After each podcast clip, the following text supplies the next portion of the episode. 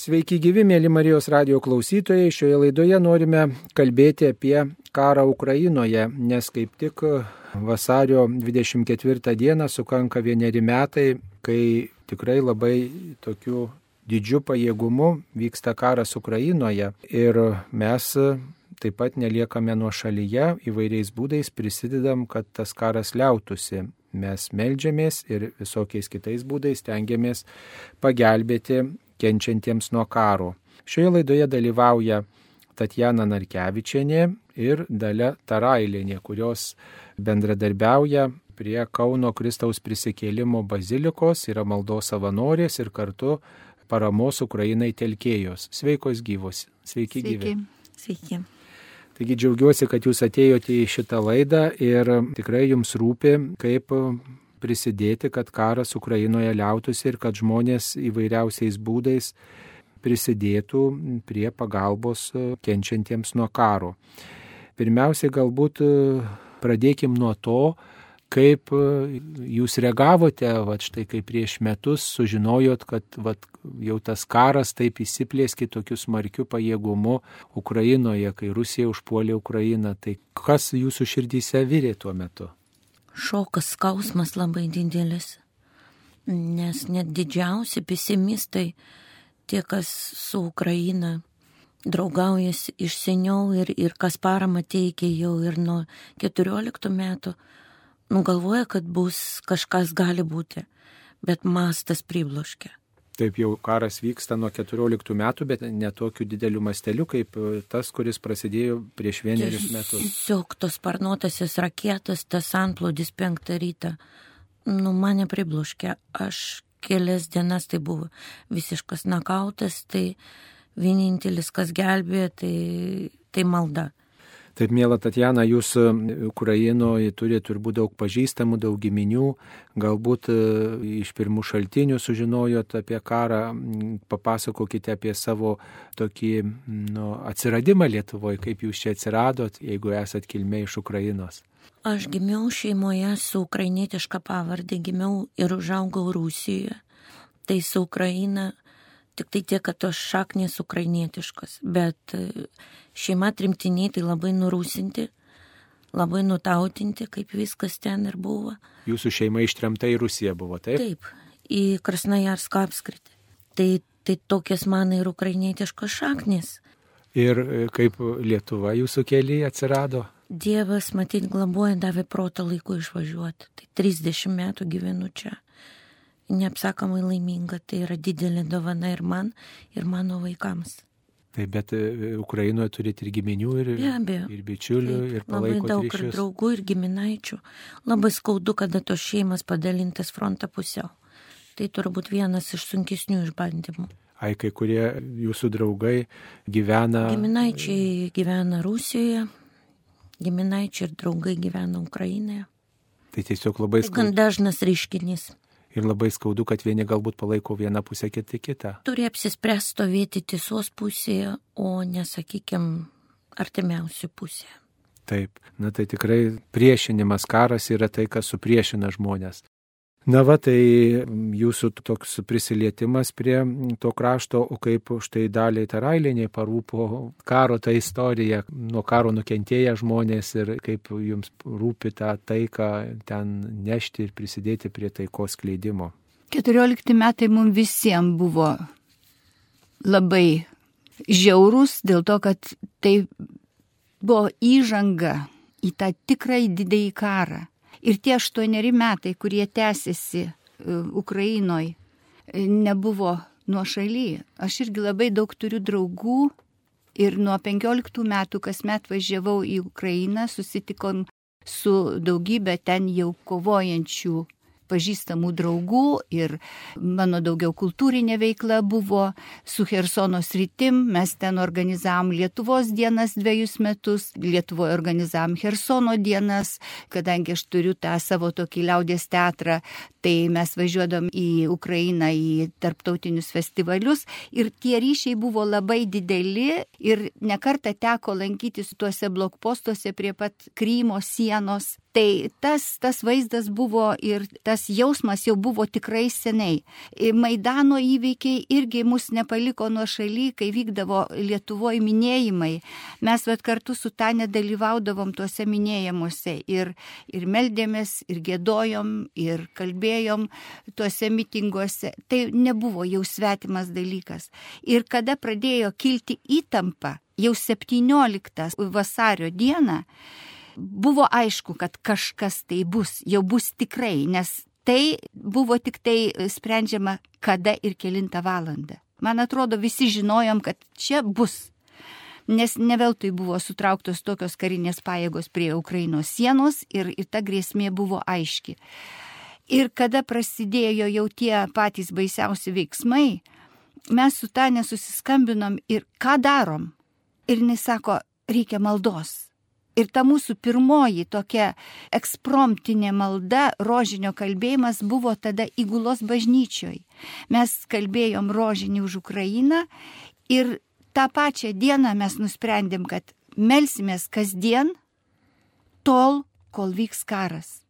Nesvarbu, kiek bus dienų, nesvarbu, kad Putinas žadėjo per tris dienas užimti Kijevą, Ir taip pat kiekvieną dieną dėka monsinjoro Grigaravičiaus, kuris leido mum prisikėlimo bazilikoj prieš vakarinės mišes kalbėti rožinį lietuvių ir ukrainiečių kalba, mes šitą misiją vykdom kasdien.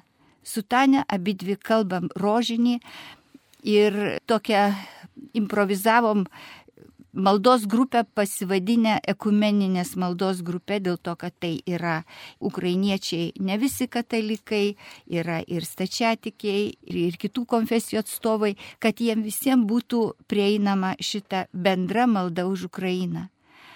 Tai pirmiausiai buvo malda, kaip sakoma, pirmiausiai buvo žodis, o nuo žodžio prasidėjo darbai.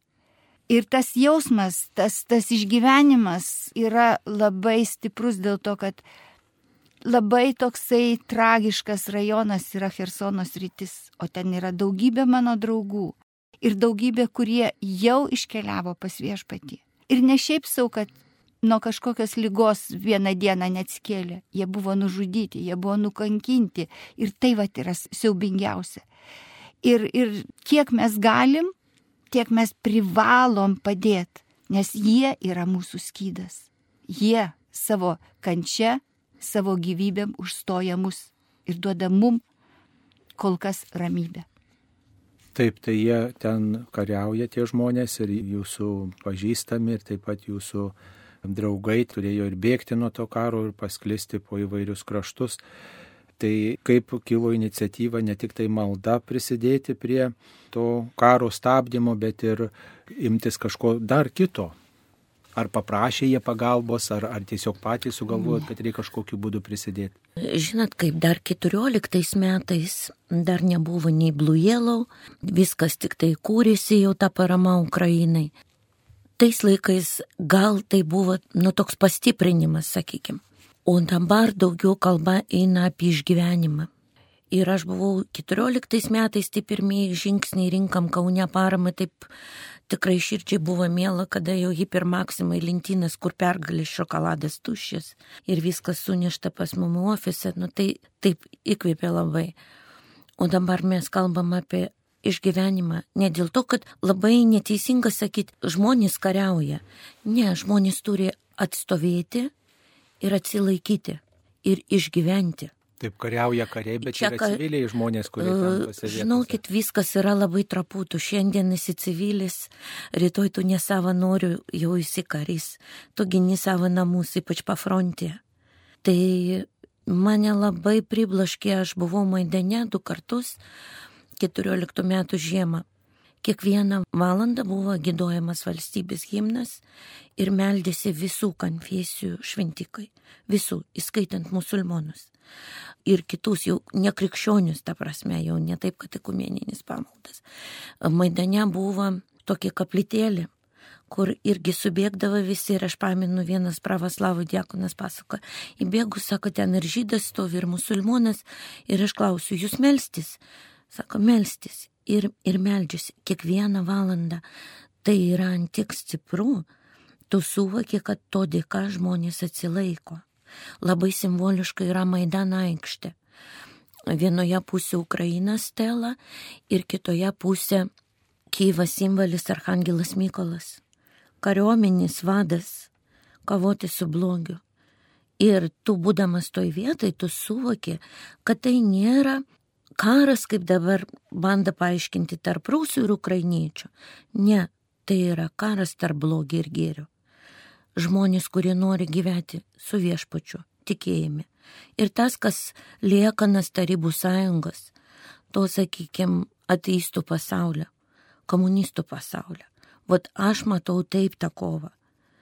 Ir man labai įstrigo filmas, kuris buvo nominuotas Oskarui dokumentinis Ukraina ugnyje. Ir paskutinė frazė. Maidane mes supratome, kas yra tauta, kas yra vienybė ir kas yra viešpats. Labai liūdna, kad tik tokiom skaudžiom aplinkybėm žmonės pradeda suvokti tokius svarbius dalykus. O kaip Jūs pastebite, štai žmonės tie, kurie yra karo zonose, ar jie tampa labiau tokiais tikinčiai žmonėmis, ar tikrai, kai yra grėsmės pavojus, žūties pavojus, ar atsiranda daugiau tikėjimo žmonių širdise, ypač tų, kurie niekada nesimeldė, nelankė bažnyčios arba niekaip kitaip kitos tikybos nepriėmė ir neišpažino. Gal jie tada supranta tikėjimo svarbą, ne taip, kad daugiau labai sukreičia dabar socialiniai tinklai galingi. Ir Facebook'e yra grupė, kad motinas, žmonas karių prašo maldos. Ir priblaškė, kad sako, nu kita jūsų parama ateis vėliau į apkasus. Bet malda tai ją pajus dabar. Ir dabar vyrams yra taip sunku ir mes labai prašom maldos. Nu tai kaip gali apleisti ir nesimelst? bet e, kartais, žinot, girdim tokių nuogastavimų, tokių minčių, ypač tuo bejojančių žmonių, kad maždaug ką čia tos maldos, reikia paramos, čia maldos, tai čia maždaug, kai ramiai, tai gali melstis, o kai karas, reikia kažką griebti ir, ir daryti. Tai nėra tokio nusivylimų, kad kodėl viešpats dėlsi, juk mes tiek ilgai meldžiamės, štai visi metai, kai žmonės kariauja ir tiek daug žmonių meldžiasi, kodėl viešpats nesustabdo to blogio, kodėl viešpats neįsikiša kažkokiu stebuklingu būdu, kad būtų sustabdytas blogis. Žinot, man atsiveria savotiškas toks slėpinys vat per skausmą. Viešpas visada duoda daugiau nei paima. Mums praradimai yra baisiai skaudus.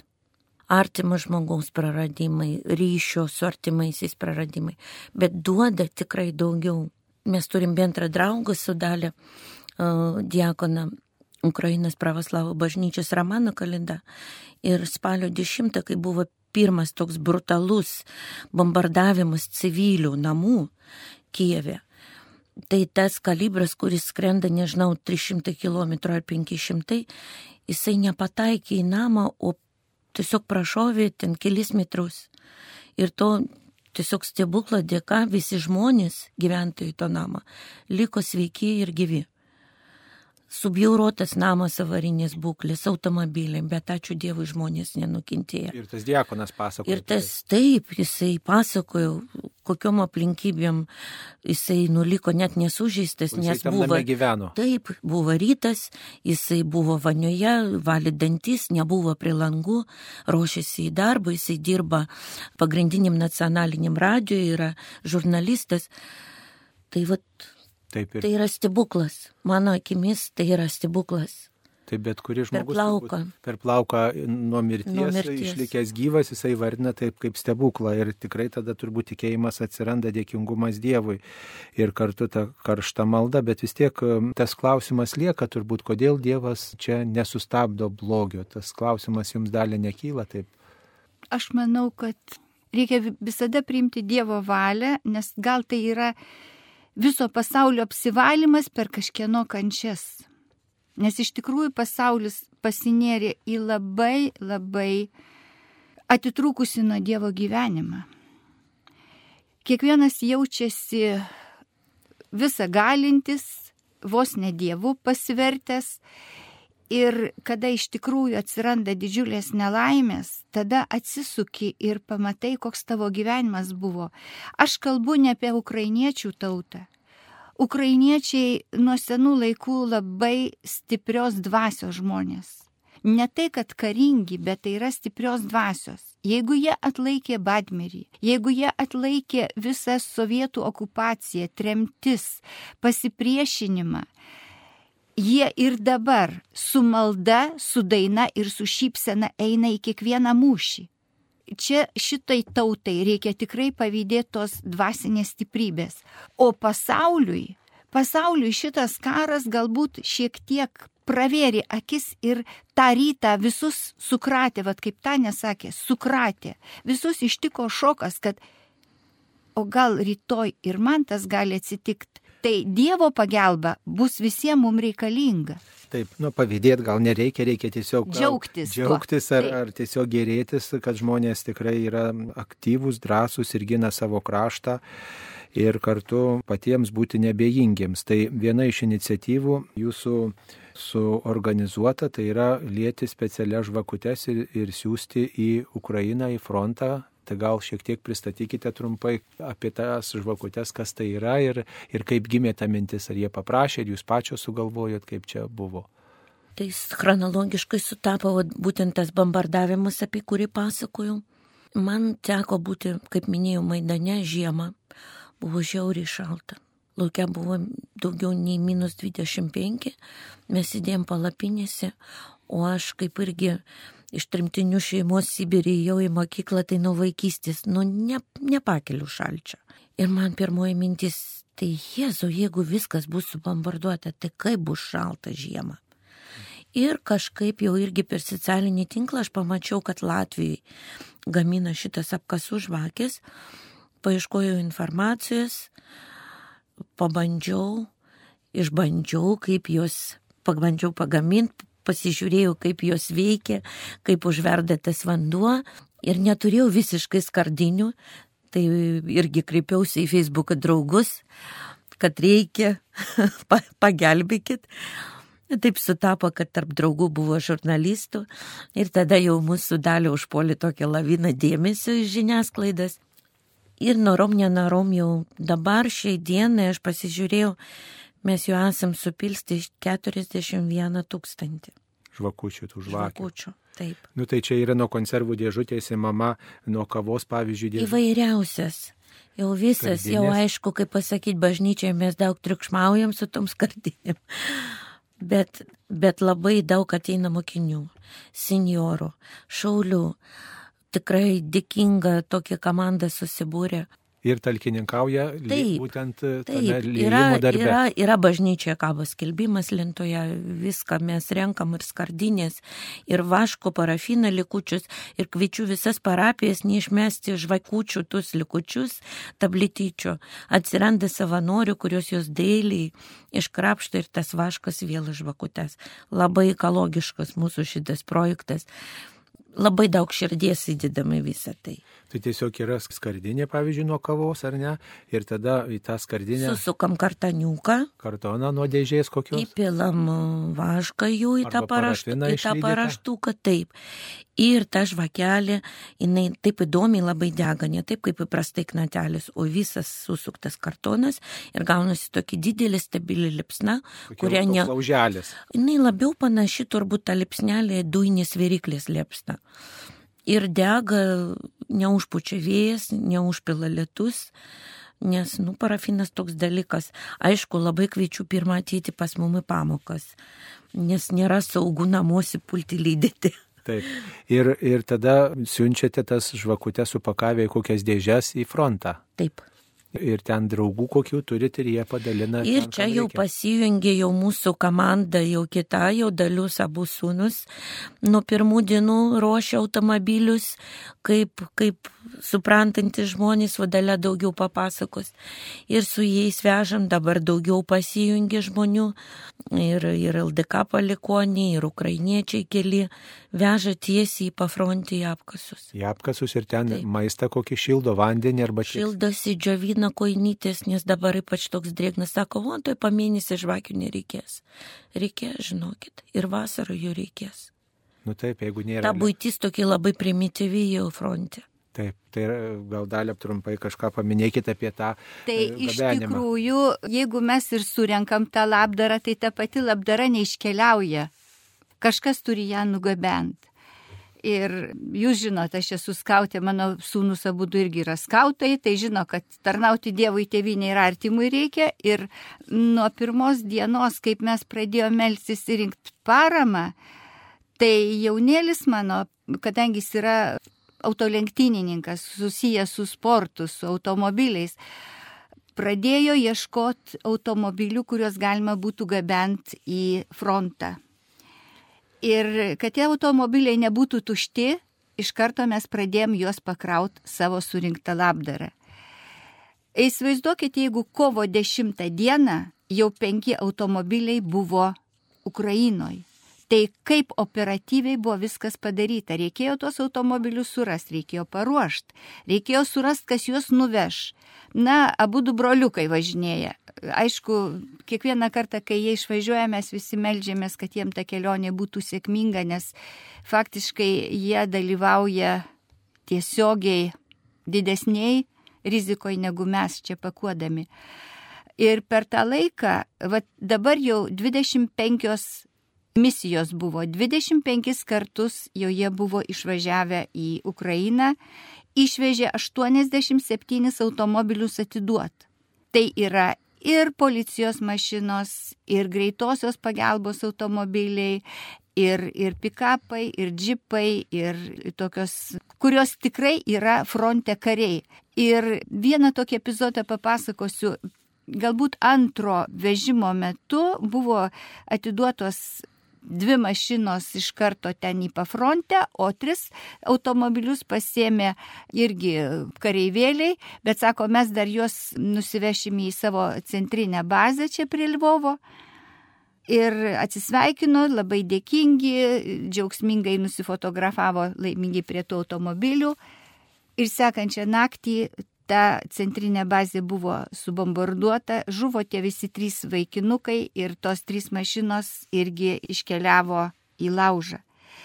Tai tas darbas, kurį mes dirbam, tai yra toks pagalba, tu nežinai, kiek ilgai jinai bus galų gale tos pačios žvakės sudegė, jų vėl naujų, naujų, naujų reikia. Tų automobilių taip pat reikia. Jos reikia paruošti, jos reikia nudažyti, jos reikia nugabenti. Ir tuose automobiliuose būna pakrauta parama, kurią atiduoda Netgi aš susirašiau į, į kokius batalionus ir, ir kokias brigadas atiduoda konkrečiai visą tą labdarą. Bet tai yra ne tik tai tai, ką mes surenkam. Jie patys už surinktas lėšas perka taktinės visokias priemonės visokius naktinio matymo, tos termovizorius, tai, dronus ir taip toliau. Taip, tai suprantama, čia jau tokia karų reikalinga amunicija arba jos dalis. Parama yra ir dar labai įdomi. Pagaminom 500 vienetų neperšaunamų liemenių. Ketvirtos kategorijos, tai jos yra labai aukštos kategorijos, metalas parinktas toks, koks reikia, pasiūtos liemenės buvo Marijampoliai ir vat, mes gaminom tas. Tai, vat, ir... tai savanoriai gamino liemenės ir kur mano, gamino? Mano sūnus su savo draugais. Dar nepasakiau, kad vat, veža, tai pavyzdžiui, išvažiuoja 12 automobilių. Šitiek žmonių reikia surinkti, kurie važiuotų, nuvežtų. Tai faktiškai visa Lietuvos rinktinė sportininkai važiuoja prisideda, kad būtų taip, nugabenta reikalinga taip, parama. Taip, tai 25 kartai jau yra nuvežta ir parvežta. Palieka tas mašinas ir su viena mašina arba su dviem grįžta, nes jeigu, pavyzdžiui, 12 mašinų, tai yra 12 vairuotojų. Tai, tai juos kažkas turi parvežti. O tai paskui iš kur gauti kitus automobilius? Kitiems? Tai važiuoja lydinčios mašinos. Pavyzdžiui, penkius atiduoda, o su dviem važiuoja parvežt. Bet visas mašinas mes jas prikraunam pilnas. Ir, ir vat su tom, tai vat mano... Su tom mašinom ir paliekama labdara. Jas iškrausto, visur išdalina, mašinos eina vienur, žvakės eina kitur, medikamentai eina kitur, ten vaikų drabužiai eina kitur, taigi jie suka ratais ten aplinkui. Dabar, reiškia, yra taip į Bahmuto yra 503 jūrų pėstininkų batalionas, ten veža. Paskiau veža, e, Žitomiro savanoriai veža į Donbasą. Jie patys veža į Dnieprą, Lvovą, Odesą, Kijevą ir Poltavą. prie Harkovo veža. Nu tai ten jau ačiū Dievui, važiuoji ir nežinai, ar iš ten grįši. Tai va, tai tas liemenes labai, labai e, sudėtingai buvo daryti, reiškia, tą metalą, kadangi mano vyresnėlis yra kalvis. Tai jis pjaustė tą metalą, lankstė, o paskiau tos specialiom tom, reiškia, antirikošėtinis vienas yra sluoksnis iš išorės, o amortizacinis tokia kaip pustaguma yra iš vidaus apklijuoji, tada viską apipjauni pagal tą metalą, tada apklijuoji juostą tokią ir šitos plokštės įsideda į liemenę jau. Tai 500 vienetų liemenių yra 1000 plokščių. Tai va šitą, šitą garažuose buvom padarę. Taip. Ir, ir 280 vienetų jau išvežta. Tai gal kokią paramą galėtų prisidėti, pavyzdžiui, mūsų klausytojai, jeigu jie norėtų. Ar nėra taip, kad atneša Yra... žmonės nereikalingų daiktų? Taip, dėl tų nereikalingų daiktų, tai mes iš tikrųjų tapom antrinių žaliavų rūšiavimo sandėlių. Nes daug kas įsivaizduoja, kad parama tai yra bet ko atidavimas, kas man nereikalinga. Iš tikrųjų prašytumėm, kad žmonės atneštų švarius, tvarkingus drabužius maistą, kuris būtų tikrai frontui reikalingas. Aišku, labai miela, kad atneša ten savos gamybos kažkokius tai konservus, bet tai stikliniai indeliai, jie, na, netinka. netinka. Skardiniai konservai tinka. Konservai, sausas maistas, e, ten tie vienkartiniai tokie paketėliai, kurie tikrai naudojami karo sąlygom, jų galima ir, ir nupirkti. Tai va šitokie dalykai, kurie frontui labai reikalingi. Visokiausios smulkmenos, pradedant kepurėm, kurias galima būtų pasimauti po šalmu, baigiant koinėm vilnonėm, kurios irgi labai reikalingos, nes kai nėra vandenio ir tau visą laiką reikia būdėti apkase, nėra kada nei skalbt, nei kada persirengti, kažką tai žiūrėti. Tai va tokie dalykai labai reikalingi. Na ir aišku, ta parama, kokią gali mūsų Lietuvos žmonės suteikti, tai ir finansinė parama, nes labai daug ką reikia pirkti. Pavyzdžiui, negalvokim, kad ukrainiečiai neserga kad ukrainiečių karių nieks nesužeidžia. Žinom, kiek šimtų tūkstančių yra sužeistųjų, kuriuos ir operuoja, ir tvarsto karo sąlygom. Reikia visko. Taip, bet... Subombarduotos ligoninės ten nieko nėra. Taip, bet gal geriausiai turbūt prieš nutariant, ką paukoti, ką atnešti į tuos paramos punktus, tai turbūt geriausiai pasitarti su tai žmonėmis, kurie tuo užsima, su savanoriais arba su tais, kurie priima paramą, ar ne? Taip, mes turim, mes gaunam konkrečius užsakymus, nes kiekvieną kartą vyrukai grįždami parsiveža, ko reikia konkrečiam batalionui, konkrečiai brigadai. Taip, tai ir, čia... ir medikai susako, kokiu vaistų, kokios tvarslevos. Taip, viską. tai čia jūs renkate prie Kauno Kristaus prisikėlimo bažnyčios tą paramą, Taip. bet galbūt ir kitose Lietuvos vietose yra jūsų bendraminčiai, bendradarbiai, kurie taip pat renka, ar, ar jau ten atskirai vyksta kažkokie tokie gerumo darbai. Dalinamės mes per Facebooką tą informaciją, tą ne va čia papildys. Labai gražu, nes atvažiuoja, pavyzdžiui, iš Marijampolės klimonas irgi atveža paramos. Šiaip stovi bažnyčios viduje didžiulis krepšys parama Ukrainai. Ir žmonės atneša jau dienos metu, kai bažnyčia atidaryta, gali atnešti ir palikti. Be abejo, vakarais kaip mes minėjom, prieš mišęs mes melžiamės, po mišių mes einam truputėlį padirbti prie žvakių, gali ateiti, pabendrauti, pasitikslinti, paklausti. Yra telefono numeris, galima paklausti. Taip, tai gal dabar ir pasakykime, jeigu kas norėtų iš kitų Lietuvos regionų, ne tik iš Kauno, perduoti jums paramą arba pasitarti, ką čia galima atnešti Ukrainos kariams ar jų artimiesiems ir nori pasikonsultuoti, kada atvykti ir pažiūrėti, kaip lėjamos to žvakutės ar atnešti paramą parafino, tai tada turbūt gali skambinti Tatjana jums. Jūsų telefonas Tatjanos Narkevičianės, savanorių koordinatorės, taip jeigu būtų galima apibūdinti jūs 86 12 69 766. Štai toks telefonas ir taip pat galite skambinti daliai Tarailinėje telefonu 86988 5092. Tai štai šiais telefonais galite skambinti ir prisidėti prie paramos Ukrainai. kuri telkiama, renkama ir taip pat gaminama, jeigu turime galvo žvakutes, Kauno Kristaus prisikėlimo bazilikoje. Tai dar kokią mintį reikėtų pasakyti mums šioje laidoje, kas jums rūpėtų pridėti prie visos šitos informacijos, tai kad artėja 24 diena ir Kauno Kristaus prisikėlimo bažnyčioje taip pat vyks nuo tos liūdnos sukakties tam tikri minėjimo renginiai. Tai gal trumpai pristatykite, kokie renginiai vyks vasario 24 dieną. Tai mes tiesiog pradedam kvietimą į šitas metinės psalmės žodžiais. Nedorėlių kėslams padary galą, o teisų įsustiprink. Ir tai bus maldos ir pasninko diena Kauno Kristaus prisikėlimo bazilikoje. Viskas prasidės e, mažojoje Kristaus prisikėlimo bažnytėlėje 8 val. mišiomis už Ukrainą. Po to bus adoracija švenčiausio sakramento iki 16 valandos. Na ir taip kaip girdėjot, tradiciškai kiekvieną dieną 17.30 kalbėsime rožinio maldą. 18 val. bus šventos mišios, kurias aukos kunigas Tigitas Bitkauskas ir dalyvaus taip pat Nerijus Pipiras ir Robertas Grigas. Po šitų mišių 18.40 panichida, tai malda už mirusiuosius. Ir labai smagu, kad ją sutiko vesti stačiatikių kunigas Vitalijus Mockus, kuris vėl gali atlikinėti savo kunigo pareigas. O 19 val.